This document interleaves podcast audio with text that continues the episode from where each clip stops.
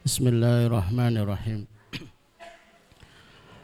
السلام عليكم ورحمة الله وبركاته.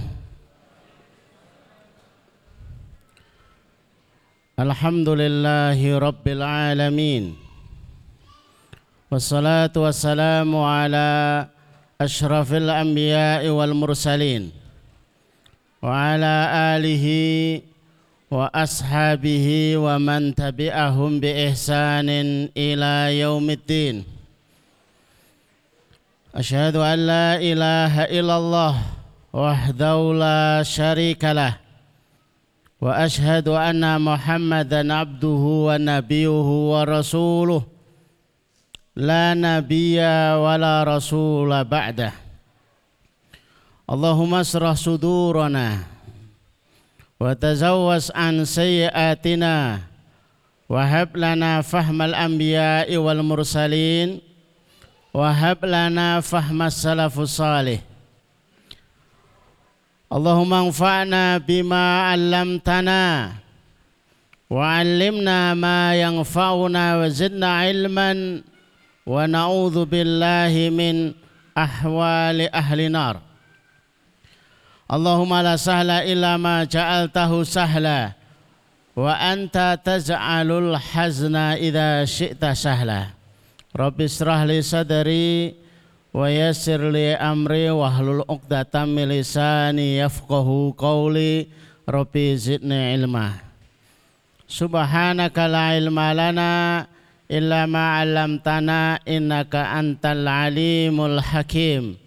Rabbana atina min ladunka rahmah wa hayyi lana min amrina rasada.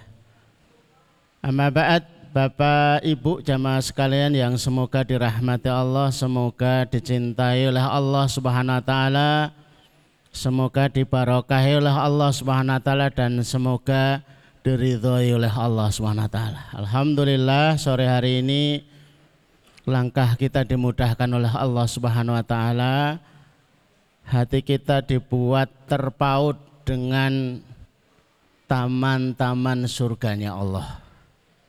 Hari ini ada di taman dunia, mudah-mudahan kelak kita sebenar disampaikan taman surganya Allah Subhanahu wa taala di akhiratnya. Amin. Ya rabbal alamin. Bapak Ibu yang dirahmati Allah, ada sahabat yang sudah mewakili bertanya kepada Rasulullah Sallallahu Alaihi Wasallam, ya Rasulullah saya itu dagang, tapi sering bangkrut.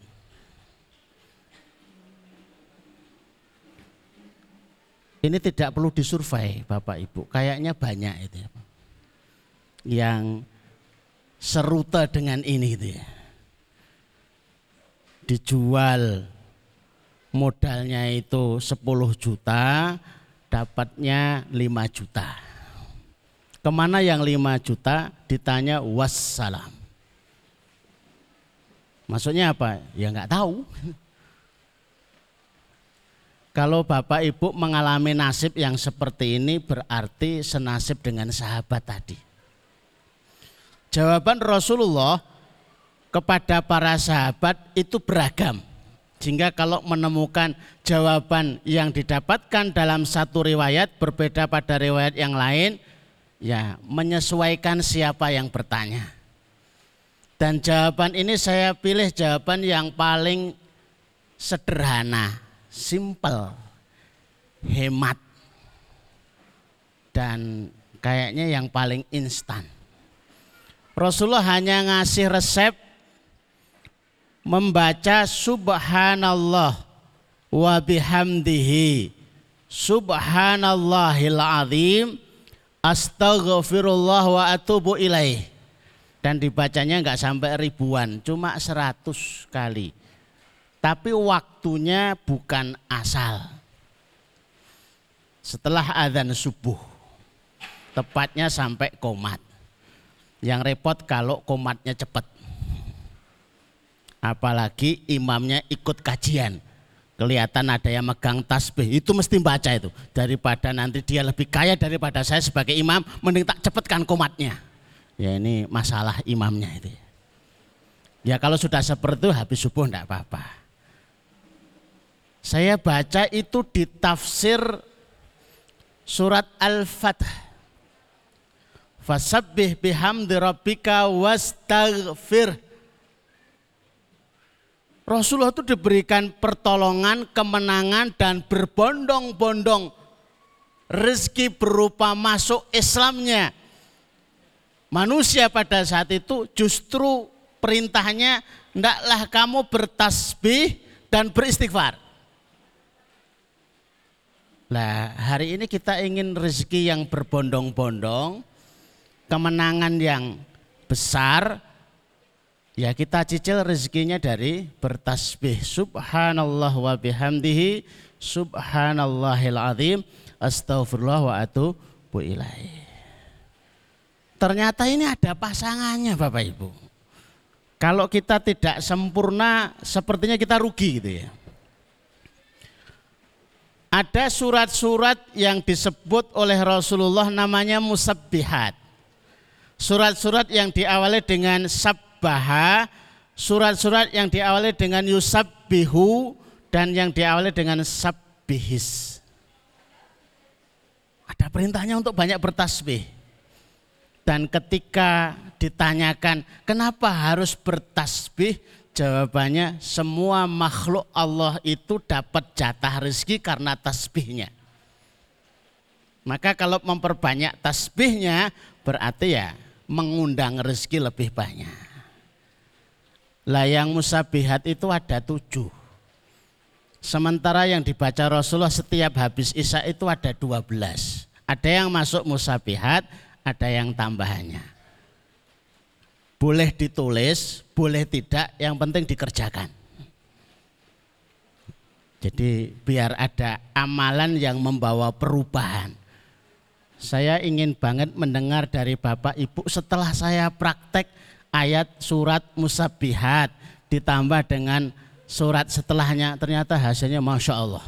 Apa bu? Ngantuk berarti benar. Bapak-bapak saya nggak pernah rampung Ustaz, berarti benar. Karena jumlahnya itu kalau ditotal sekitar tiga juz. Ya lelah Ustaz, ya nggak apa-apa lelah. Milih mana? Lelah ibadah atau lelah menghadapi masalah? Ya mesti milih lelah ibadah. Yang nomor satu at-taghabun. At-taghabun. Yang kedua al-jum'ah. Yang ketiga as-saf. Yang keempat al-hasr. Yang kelima Al-Hadid. Yang keenam apa ya? Al-Hasr, Al-Hadid, kemudian Al-Isra, subhanalladzi. Kemudian Al-A'la. Sudah tujuh belum Bapak Ibu? Kalau nggak pakai papan tulis, nulis itu kadang-kadang hitungannya bisa beda. Mudah-mudahan sudah tujuh. Ditambah Rasulullah itu selalu membaca sebisa habis Isya itu Al-Kafirun. Karena ada tafsirnya yang baca surat Al-Kafirun dia akan dibebaskan dari kesyirikan. Ini kan sesuatu banget. Yang dibaca lagi adalah Al-Mulk. Kemudian As-Sajdah. Kemudian Az-Zumar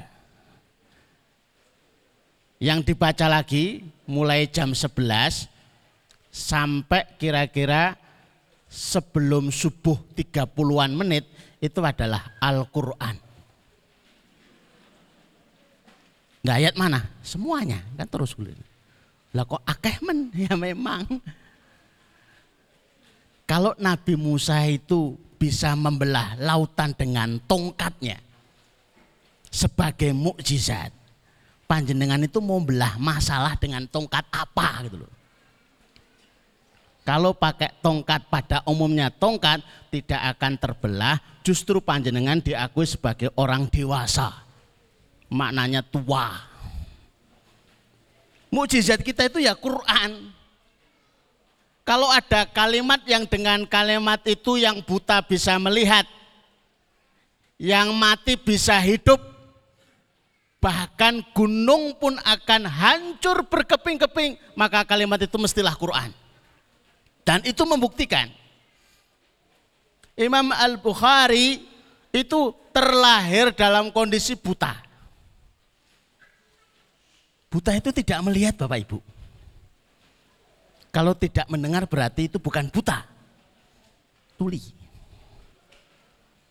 Apa yang dilakukan oleh ibundanya?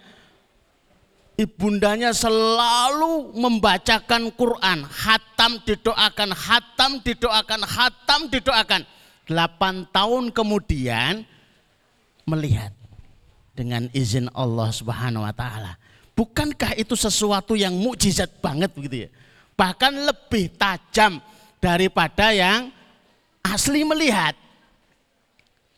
Sehingga lebih mudah untuk menghafal, untuk merekam pelajaran-pelajaran hadis-hadis yang kemudian jadilah sahih Bukhari. Masya Allah. Tapi kita tidak membahas ini karena judulnya enggak ini gitu loh ya. Kita kembali ke tema tadi mukodimah. Materinya di Nah, kalau enggak ngelihat saya enggak. Ini yang video tadi. Judulnya itu yang kita suka dari dunia. Agar kita itu tidak ngawur gitu loh ya. Kalau nuruti yang kita suka, menurut diri kita dan menurut selera kita, itu macam-macam. Macam-macam. Bahkan menurut kebanyakan orang itu macam-macam. Agar kita itu bisa menyesuaikan selera dengan harapan seleranya sama, kelak itu bisa berkumpul dengan mereka. Harapannya itu aja, satu rute sehingga menemui yang sama.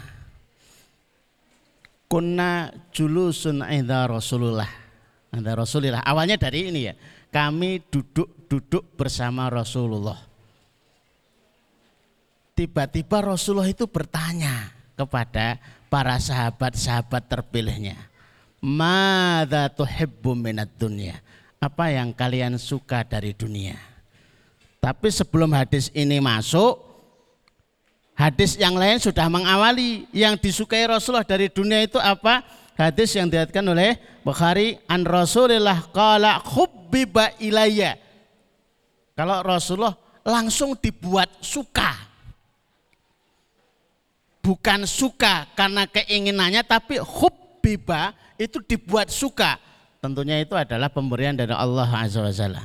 Min dunyakum dari dunia kalian salas ada tiga. Atip bukan tips itu ya tambahan uang ya. Tip ini artinya minyak wangi. Wanisa istri wajuilat kurrata aini fis dan dijadikan penyejuk pandangan mataku itu ada pada sholat.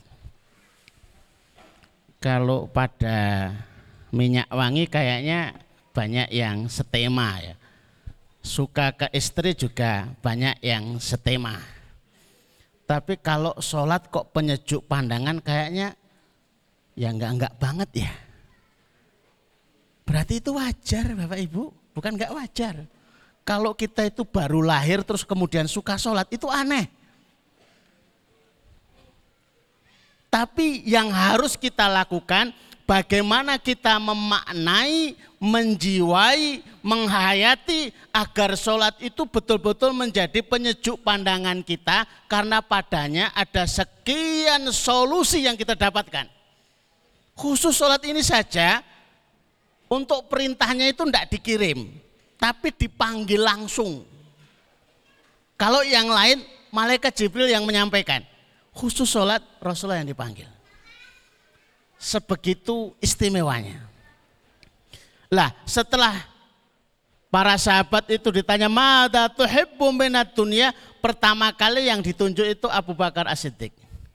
Tanda bahwa selera sahabat dan selera kita itu beda. Tapi bagaimana kita menyesuaikan selera kita dengan selera mereka. Sekali lagi dengan harapan kita bersama mereka kelak di surganya. Amin. Sahabat Abu Bakar giliran pertama ditanya. Uhibbu minad dunya thalath. Aku suka dari dunia itu tiga. Al-julusu ma'aka an-nadhru ilaika wa infaqul mal halaika. Yang aku sukai dari dunia itu tiga. Duduk-duduk bersamamu ya Rasulullah, memandang kepadamu ya Rasulullah dan menginfakkan hartaku untukmu ya Rasulullah. Sebegitu cintanya Abu Bakar itu kepada Rasulullah, dari sini kita tahu, lah ya pantas julukannya Thaniyat Nain.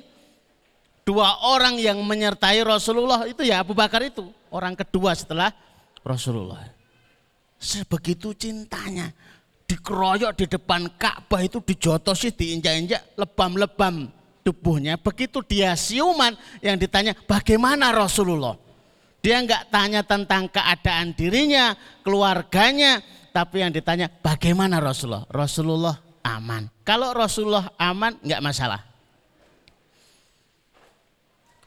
Betapa kecintaan kepada Rasulullah itu mengantarkan kepada kedudukan yang luar biasa. Maka kita melewati salawat itu untuk bisa menjadi kendaraan cinta kita kepada Rasulullah Sallallahu Alaihi Wasallam. Mudah-mudahan juga mengantarkan kepada surganya Allah Azza wa karena Rasulullah ada di surga gitu ya. Lah kita itu ingin membersamainya di sana dengan harapan selawat-selawat kita itu menjadi saksi.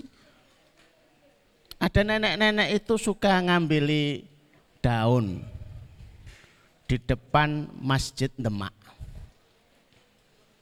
Takmir masjid ngelihat merasa iba, maka menyewa tukang sapu Begitu disapu oleh tukang sapu, nenek-nenek ini nangis sejadi-jadinya. Ditenangkan jamaah satu, jamaah dua, jamaah tiga, tidak bisa menenangkan. Tangisan nenek ini. Akhirnya takmir masjid sendiri imamnya menemui mbah, kok nangisnya itu sebegitu, ada apa? Kalau ini yang bodoh, mboten saged ngaos. Ngibadah niku nggih mboten ngangge mboten wonten tenaga malih. Sampai saya dengar bahwa selawat kepada Rasulullah itu punya kedudukan begini dan begitu. Maka sembari saya mengambil daun itu satu selawat. Lah sekian banyak daun di halaman masjid ini saya ambil untuk menjadi saksi bahwa aku pernah bersolawat dan itu bukti. Aku mencintai Rasulullah. Maka setelah itu dibatalkan menyewa tukang sapu. Monggo mbah diteruskan. Kalau Bapak Ibu ada yang seperti itu, punya cita-cita, silahkan. Rumput kita banyak. Uh, kayaknya kemarin menghadirkan berapa mobil tanaman di depan sana. Yang jatuh-jatuh, monggo, bukan masalah. Apakah itu kepentingan kita Ustaz? Enggak. Karena santri-santri sudah selesai dengan itu. Tapi kalau Bapak Ibu itu pengen daripada daunnya mending buat batu bata, semen. Itu jelas gitu ya. Itu jelas itu ya. Dan dan niatkan ya Allah saya ini ya Allah ini jadi saksi saya ya Allah ini saksi saya ya Allah ini saksi saya sebanyak mungkin saksi kita buat di kehidupan dunia ini ketika kelak di akhirat itu kita tiba di sana saksi-saksi itu akan datang menjadi pembela Nawa itu saya kirimkan mobil saya, saya kirimkan tanah saya, saya kirimkan uang saya, saya kirimkan perhiasan saya, saya kirimkan berapa pohon dan saya kirimkan apa pun yang saya miliki di dunia agar kelak menjadi saksi pembela di hadapan Allah Azza wa Jalla. Ketika kita mau diseret, ya Allah masa saya masuk neraka, lowong saya punya mobil di surga. Tak enggak, enggak. Itu kwitansinya ada kok. Jadi itu pantas gitu loh kalau kita membela diri itu. Wong mobilnya ada, rumahnya yo ada, tanahnya yo ada, semennya yo ada. Bahkan ada kotak-kotak yang selalu diisi tiap pagi untuk menjadi saksi dan tambahan sekian ribu kali sekian hari malaikat mendoakan. Itu lebih jauh dari sekedar rizki dunia yang kita harapkan, tapi untuk mengukuhkan sekaligus mengokohkan hak kita untuk mendapatkan tempat di surganya Allah Azza wa Jalla. Jadi kalau tadi ditawarkan dari ayah Heri ada kotak-kotaknya, sebenarnya antara kotak dan yang transfer itu lebih banyak dari yang transfer. Tapi kita merasa bersalah Bapak Ibu. Kita selalu menasihati, mengajak, kemudian Bapak Ibu tidak berkesempatan ikut membantu, ikut menjadi saksi. Biar berapapun lah. Ya, awalnya ketika diisi itu suaranya itu nyaring, klotak. Ya, Kodar Allah kok ya enggak langsung plek gitu tidur gitu recehnya itu malah muter. Jadi orang serumah itu tahu. Benten tebuk wau ya mangatus. Kuwi jan duwe dadak muter barang kuwi. duwe caper tenan kuwi. Wis dibawa sing 1000 nek arep muter-muter wae ngono. Sing kertas. Dirubah lagi, dirubah lagi, dirubah lagi. Bahwa dengan itu dapat bonus dunianya alhamdulillah. Bahwa kemudian tidak mendapati persis sebagaimana yang dijanjikan, tapi dibentukkan sehat kita, bahagia kita, dibentukkan anak-anak dan keturunan. Alhamdulillah berapa banyak orang itu fokusnya menghitung rupiahnya tapi dia dibalas oleh Allah berupa anak-anak. Kulo niku bangkrut Ustaz, utangnya kata.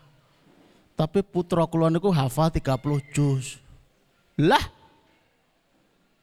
kalau panjenengan itu mau menimbang dan menghitung milih mana punya penghafal Quran yang sekaligus pemberi syafaat atau punya hutang. Ya enggak dua-duanya anak saya milih begitu ya. Tapi ya nasib kadang-kadang itu kita tidak sesuai dengan harapan. Ya alhamdulillah rezekinya itu punya anak yang menghafal Quran, setidaknya ada kesempatan jatah syafaat. Ya, untuk penghafal penghafal Quran kita. Om kita ikut-ikutan ngisi kota itu ya pengennya kayak begitu itu loh. Jadi yang bisa memberikan syafaat itu mbok yo kelingan biyen ki sing kayak sarapan sapa? Mbok yo kelingan. Sing nukokke sabun sapa? Mbok yo kelingan dicangking-cangking apa piye ditarik-tarik apa piye gitu ya? Yang berjasa itu siapa? Harapannya seperti itu. Nah pertanyaan Rasulullah kepada yang pertama itu kepada Abu Bakar duduk bersama Rasulullah, memandang Rasulullah, berinfak kepada Rasulullah. Maka sekiranya keimanan orang seluruh dunia itu ditimbang dalam satu timbangan, keimanan Abu Bakar As-Siddiq dalam timbangan yang satunya, maka itu lebih berat timbangan imannya Abu Bakar As-Siddiq. Ketika semua orang datang membawa hartanya, Sekian, sekian sahabat Umar Khattab separuh. Mau lebih nggak boleh.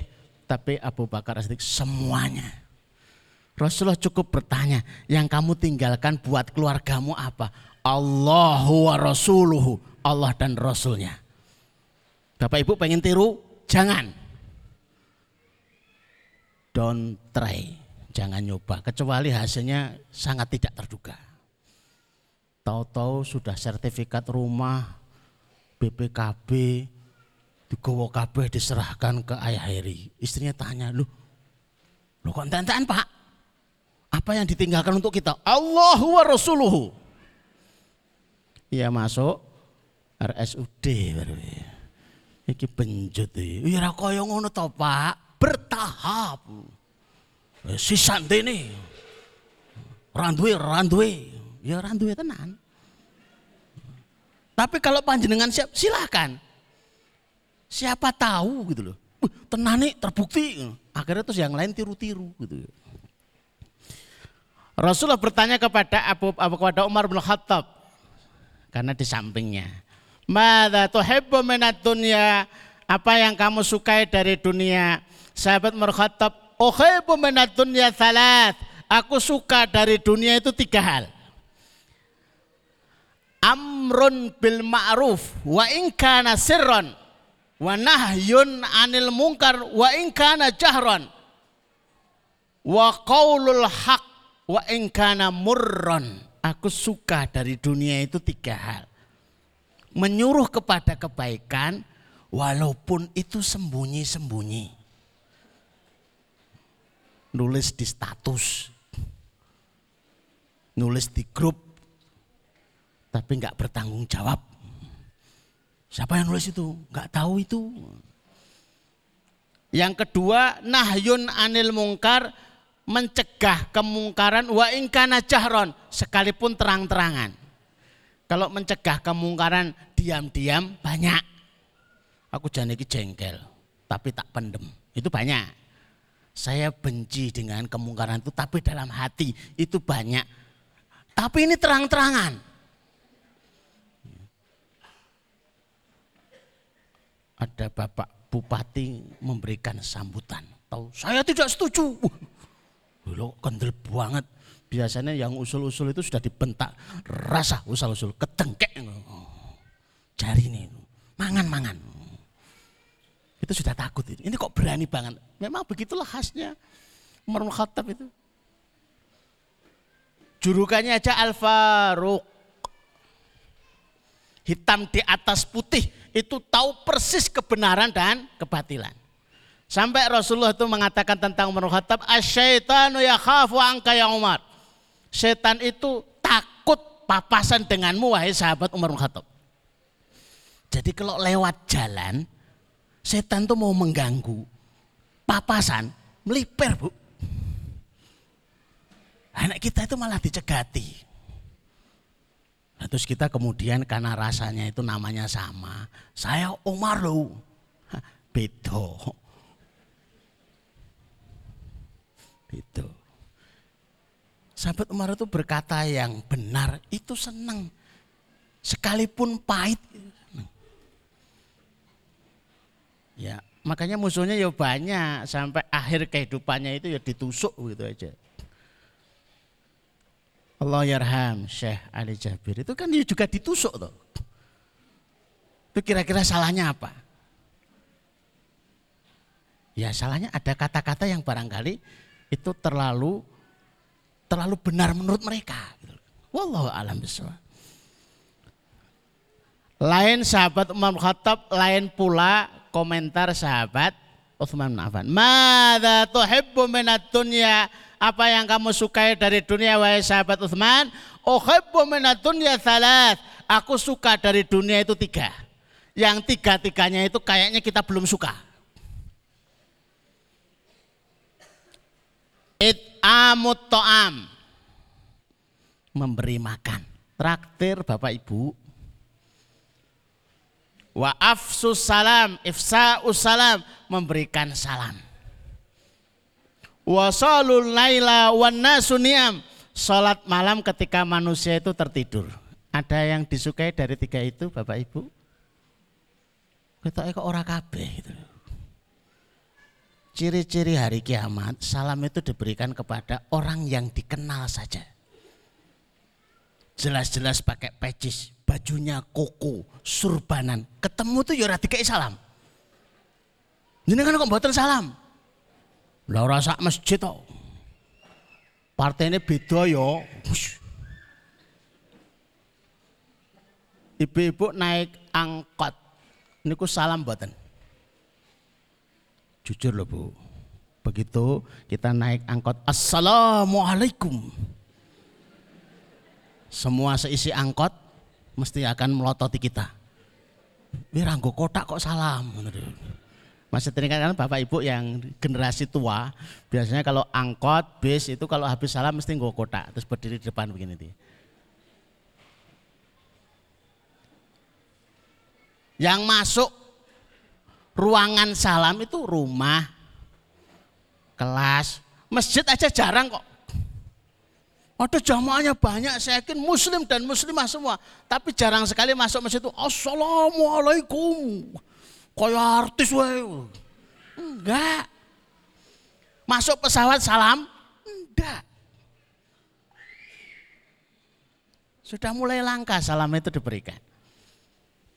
Apalagi kok naik mobil, naik motor. Paling ya diganti klakson. Tin, tin, Sinten Pak? Konco. Tonggo. Tin. Lho kok dawa? Konco akrab. Konco zaman TK. Oh. Akrab. Sudah tergantikan. Kalau perlu ibu-ibu itu mbok boykot tukang sayur yang masuk di ganggang. Pokoknya orang salam rasa tukoni. Bien jengkel. Tin tin sayur-sayur ora ana sing metu. Sayur-sayur ora ana sing tuku. Jane iki napa to? Jenengan niku mboten salam. Coba salam. Besok itu coba lagi. Tin tin assalamualaikum Mbak metu kafe. Akhirnya jadi gang salam. Apalagi kok ngasih makan. Neraktir. Itu enggak banget gitu ya. Lah nek sudah bareng-bareng seteman-teman itu ya masuk warung itu pengennya keluar duluan dari dewi manggung. Padahal itu yang disuka dari sahabat Uthman bin Affan. Makanya kaya banget karena suka nraktir. Puncaknya beli itu pernah nraktir. Kalau mau rekornya disaingi monggo Bapak Ibu silahkan dihafalkan, ditulis. Sahabat Uthman itu pernah nraktir orang satu kota kota Madinah itu pernah ditraktir kebutuhan makan minumnya oleh sahabat Utsman bin Affan. Traktirnya selama 40 hari. Gue Bapak Ibu enggak ngajeng daftar monggo traktir sak pondok. 20 hari apa wis? Nanti tak sampaikan ke santri-santri. Santri-santri ini mumpung ada yang traktir makanya yang banyak-banyak. Biar kabul traktirannya itu. Kan lebih dahsyat itu ya. Makanya seleranya memang beda. Kalau mereka itu jaminannya surga, ya pantas gitu loh. Lewong diajak perang badar, yang lain tuh cuma segini-segini kecil-kecil. Sahabat, bukan bukan badar ya, tabuk. Itu nyumbang 15 kilo emas. Itu sahabat Affan. Aku kok pengen banget kayak begitu tenane. Kalau pengen nyumbang 15 kilo itu latihannya 1,5 gram. Terus tambah lagi satu setengah on. Satu setengah on itu sudah bikin penyakit ini loh, Parkinson. Kita nampak itu. Apalagi kok satu setengah kilo. Apalagi kok 10 kilo, tambah ngeri lagi. Biar kita itu bisa nyusul gitu loh sahabat. Ini sudah sampai mana sahabat Uthman? Ya kita nyusul di belakangnya. Kita cerita tentang Abdurrahman bin Auf itu sangat ngeri terdengarnya. Ini agak kita turunkan lagi. Ini sahabat Uthman. Apalagi yang nomor tiga. Ya sudah nek beri makan itu agak berat.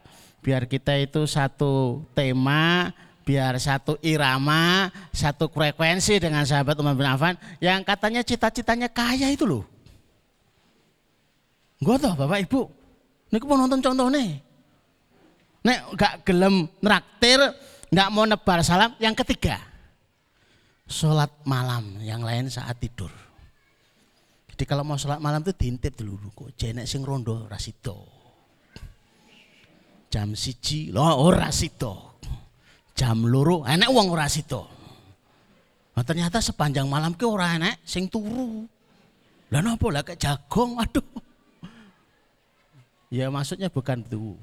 Maksudnya sholat malam itu ketika kebanyakan orang tidur. Nah itu gimana? Atau paling mudah panjenengan sholat malamnya lama. Ngantek uangnya ngenteni iki turu. Itu randang sholat sholat malam. Lu dari awal tuh sudah sholat malam.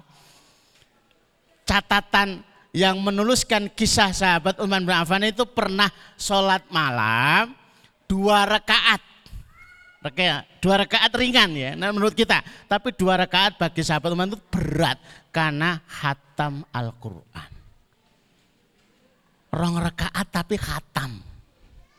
Lah kuwi piye? Ya dibaca Qur'annya. Tapi beliau hafal. Maka sebenarnya sederhana ya. Kalau pengen kaya ala sahabat Uthman bin Affan itu ahli Quran. Rajin baca Quran. Dari sahabat Uthman kita ngaji belajar sama sahabat Ali.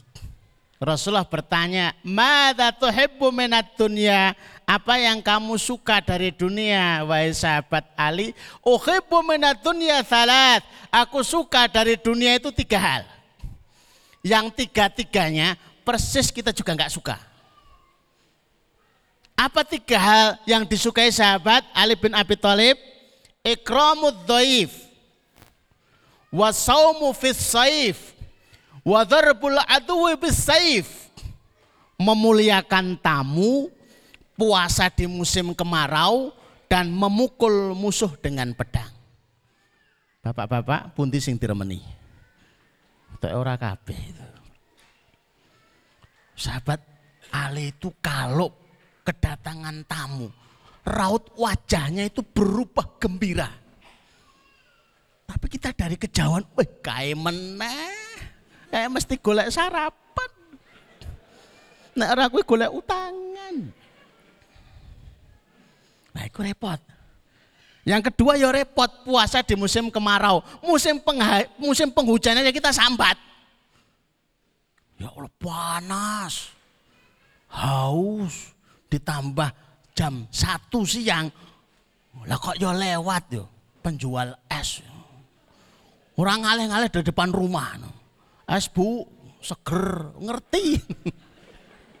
Tapi poso, jengkel ya. Randa ngalih-ngalih. Yang berat itu yang nomor tiga. Sahabat Ali itu suka memukul musuh dengan pedang kalau dalam peperangan. Beliau ahli pedang luar biasa. Ketika Abdullah bin Wud itu nerobos masuk Hondak ketika dikepung Madinah, maka yang menghadapi sahabat Ali itu dipukul pakai pedang, kepalanya Abdullah bin Wud itu pecah. Uh, lo kok hebat banget. Ya, coba kita kenalan dulu dengan sahabat Ali. Sahabat Ali itu pedangnya beratnya 40 kg. Pun bayang kirian mon Pak. umpama pedangnya nggak tajam, digebuk 40 kilo ke ya mentem nih ya itu sahabat Ali. Lu pantesan menangan. Lah memang digambarkan sahabat Ali itu tangannya antara lengan dengan ini namanya apa nih Itu sama. Umumnya kita lengan lebih besar daripada yang sebelah sini kan. Ini sama. Gili itu. Wah, ya menangan. Itu enggak bawa pedang, diantem tangannya tok sudah kemeng itu. Itu sahabat Ali. Kalau masih pengen bu, yang lain tuh Ustaz itu kan khulafa orosidin seleranya ketoknya kok masih berat. Baik kita ambil yang kelima. Abu Dhar Al-Ghifari. repot kabeh nih yang ini. Mada tuhibbu minat dunia ya Abu Dhar? Apa yang kamu sukai dari dunia ini wahai Abu Dhar? Sampai Rasulullah aja berkenan bertanya, kok aneh gitu yang disukai. Ohibbul minad dunya salat. Aku suka dari dunia itu tiga. Alju, lapar. Wal marot, sakit. Wal maut, mati. Kok horor kabeh ini? Sampai Rasulullah bertanya, kenapa kamu suka ju? Kenapa kamu suka lapar? Liarik kalbi.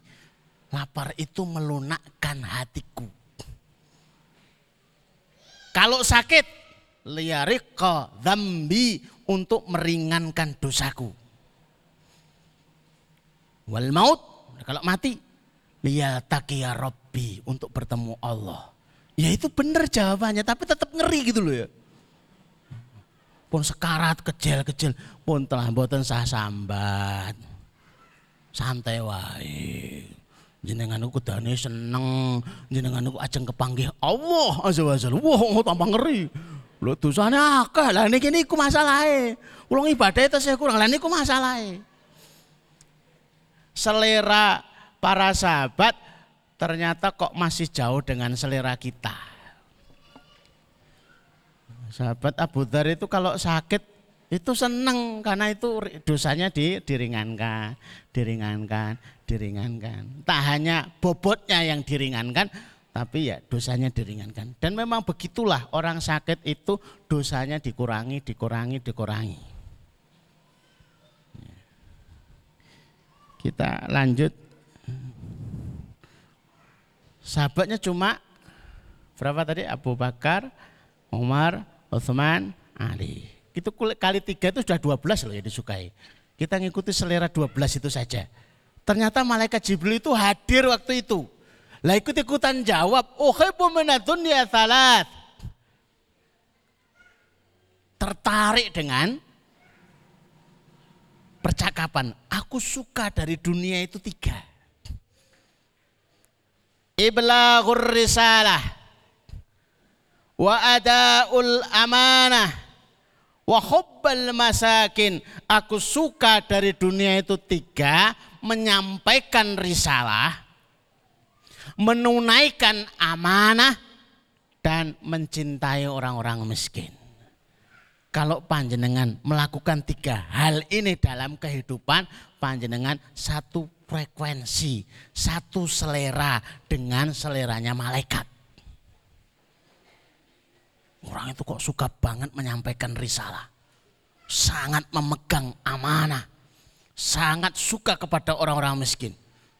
Coba dicek, napak porakai. Napak berarti itu manusia yang memerankan malaikat. Itu yang seharusnya itu di YouTube. Ini cara masaknya tingkat dewa. Rono. Ini pola hidupnya tingkat malaikat. Itu harusnya seperti itu.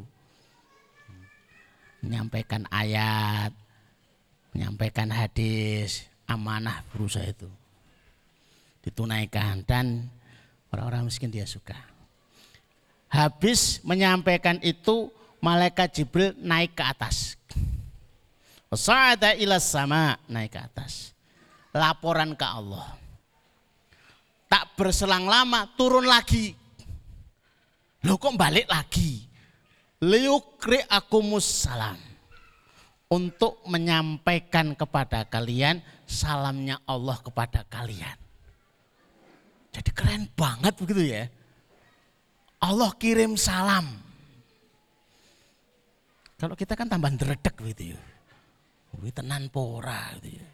Majelis kita itu majelis istimewa menjadi tidak istimewa karena pandangan kita saja. Sebenarnya istimewa banget. Long paling, paling tidak itu empat kan yang didapatkan. Nah zalat alaihimus sakinah diturunkan sakinah ketenangan. Malaikat turun dengan sayap-sayapnya menaungi. Ditambah humur rahmah diliputi dengan rahmat. Kalau terjemahkan ini sedang diperban oleh rahmat. Wa dzakarallahu fi man indah. Disebut-sebut, dipamerkan, dibangga-banggakan di hadapan makhluk langitnya. Ini yang luar biasa dan spesial banget. Setelah disampaikan salam kepada mereka, ternyata Allah merespon majelis mereka dan menyampaikan uhibbu minad dunya thalath. Lah kok melu-melu? Aku suka dari dunia kalian itu tiga hal. Lisanan dzakira wa qalban khashi'a Wajah jasadan alal bala isabira. Aku suka dari dunia kalian itu tiga hal. Lisan yang selalu berzikir kepada Allah Azza wa Jalla, hati yang khusyuk dan yang ketiganya adalah tubuh jasad yang sabar atas musibah yang menimpa. Ini yang disukai oleh Allah Azza wa Jalla. Panjenengan menjadi saksi, menjadi bukti, mudah-mudahan itu menjadi bala menjadi apa? Pembela bukan balak, menjadi pembela. Ya. Kena gatel sabar. Kok mulai awak rada ngrekes sabar. Untune loro sabar. Kuwi mesti ana sing gawe lara. Awake kuru sabar. Kita tandanya jenengan itu jadi pengurus. Sedang dikuruskan oleh Allah Azza Nah, tambah lemu ya syukur alhamdulillah. Itu dihitung semua 12 ditambah 6 18 itu yang disukai. Kita tinggal ngepas-ngepas gini. Enggak ada tulisannya makan bakso, nggak ada. Kemah nggak ada. Muncak nggak ada. Ayo, eh. Jalan-jalan ten pasar, buatan buatan. Kulineran, buatan wonten. Mengikuti selerane sinten niku. Ayo. Saya itu suka kalau dompet itu selalu isinya penuh. Enggak ada yo dari 18 itu enggak ada. Jenengan niku hobinya terkait dengan dunia niku nopo? Ya, anu ya. Angel kan akhirnya.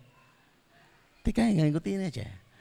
Yang sebelumnya itu nulis di Facebook, apa nulis di biodata tentang hobi yang disukai dari dunia ini, begitu tahu ini dihapus mawon.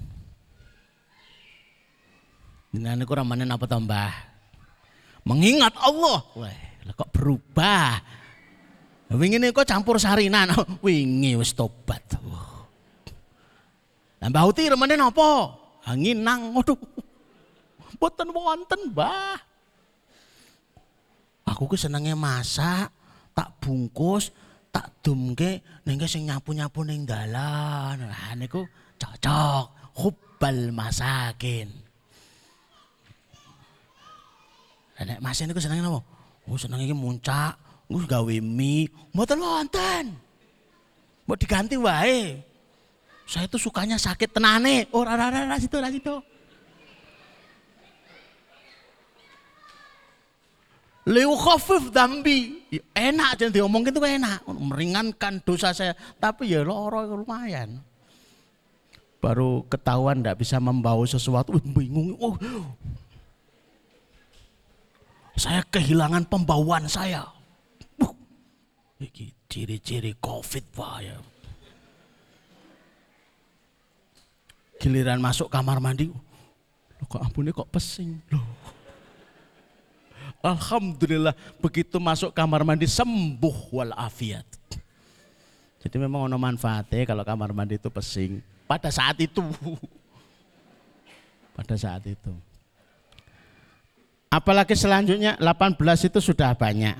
Yang selanjutnya Alhamdulillah. Berarti tandanya pun rampung. Ada beberapa jamaah yang suka kalau materinya itu slide terakhir. Alhamdulillah rampung. Saya itu punya tukang pijit Pak. Saya ceritakan lagi itu. Sebagai rasa bahagia kami. Pijitnya itu refleksi. Kaki, tangan, jempol-jempol itu. Yang saya suka itu kalau memulai baca bismillah. Bismillahirrahmanirrahim. Terus baca zikir Alhamdulillah. Allahu Akbar. Nah, saya yang sebenarnya suka dengan zikirnya, tapi pada saat itu nggak senang kalau mengucapkan Allahu Akbar. Itu tandanya dipecut lu borol. Allahu Akbar, waduh, tenan ini. Nah kalau selesai, Alhamdulillah. Maka saya selalu berpikir kalau dipijit bapak ini, saya muka-muka tentang Alhamdulillah. ndang topak ndang alhamdulillah subhanallah alhamdulillah begitu alhamdulillah merdeka lorone ram nih Bapak Ibu yang dirahmati Allah Azza materi sudah selesai yang belum terekam dengan baik 18 yang seharusnya menjadi selera yang kita suka silahkan direkam ulang ditanyakan lagi tapi kepada admin jangan kepada saya lagi Begini kan apa tuh Ustaz? Nah begini neng tiung TV ini ya si telu. Nah saya nggak merekam. Tanya saya sama admin insya Allah nanti uh, ke 18 itu sudah direkam. Mudah-mudahan menjadi selera kita. Bapak Ibu yang dirahmati Allah kita tutup majelis sore ini dengan bersama berdoa kepada Allah di waktu yang mustajabah. Waktu setelah asar sampai maghrib itu ada waktu di mana doa begitu mustajabnya. Kita harapkan waktu-waktu mustajabah itu memuat doa-doa kita yang terbaik. Mudah-mudahan solusi-solusi kita dapatkan dan rezeki-rezeki serta barokahnya Allah kita dapatkan.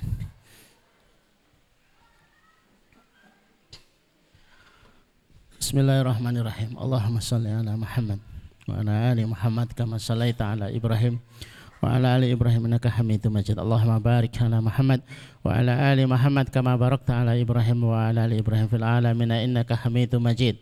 Walhamdulillahirabbil alamin.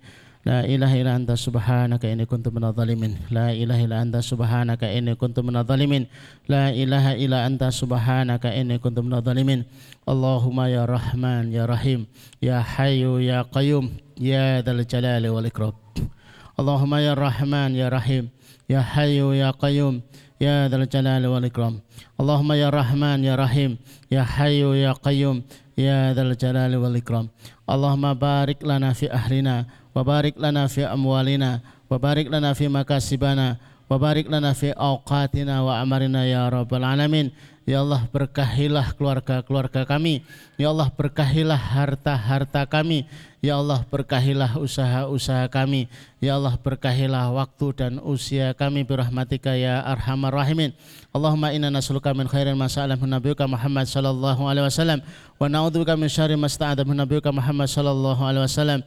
Antal musta'an. Alaikal balak Wala khawla wala quwwata illa billah Ya Allah sesungguhnya kami memohon seluruh kebaikan yang pernah dimohon oleh Nabi kami Shallallahu Alaihi Wasallam. Ya Allah sesungguhnya kami meminta perlindungan yang permintaan yang perlindungan itu pernah diminta oleh Nabi kami Shallallahu Alaihi Wasallam. Engkau lah yang menyampaikan segala urusan. Engkau lah tempat kami meminta. La khawla wa la quwata illa billah. Allahumma inna nas'aluka amalan baran wa rizqan daran wa aishan wa qaran. Ya Allah Sesungguhnya kami memohon kepadamu ya Allah amalan yang baik-baik, rizki yang mengalir, kehidupan yang tenang, kehidupan yang tentram. Birahmatika ya arhamar rahimin. Rabbana hab lana min azwajina wa dhurriyyatina qurrata ayun waj'alil muttaqina imama. Ya Allah jadikan kami pasangan-pasangan kami, keturunan-keturunan kami yang menyejukkan pandangan kami dengan ketaatan dan ketakwaan mereka. Jadikan kami teladan bagi orang-orang yang bertakwa birahmatika ya arhamar rahimin. Allahumma kfina bihalalika an haramika wa agnina bifadlika amman siwaka. Allahumma kfina bihalalika an haramika wa agnina bifadlika amman siwaka. Allahumma kfina bihalalika an haramika wa aghnina bifadlika amman siwaka ya Allah cukupkan kami dengan rezekimu yang halal sehingga kami tidak butuh dengan yang haram. Kayakan kami dengan anugerahmu ya Allah sehingga kami tidak butuh kepada selainmu. Allah madzib hammana Allah madzib hammana Allah madzib hammana. Ya Allah angkatlah masalah-masalah kami. Ya Allah angkatlah sakit-sakit kami. Ya Allah angkatlah kesulitan-kesulitan kami. Birahmatika ya arhamar rahimin. Rabbana atina min ladunka rahmah wa hayyi lana min amrina rasada.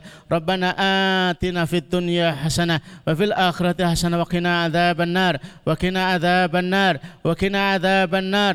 وصلى الله على محمد وعلى آله وصحبه وسلم. سبحان ربك رب العزة عما يصفون وسلام على المرسلين. والحمد لله رب العالمين.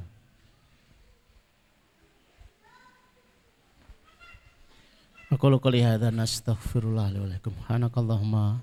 Rabbana wa bihamdika asyhadu an la ilaha anta astaghfiruka wa atubu ilaik. Assalamualaikum warahmatullahi wabarakatuh.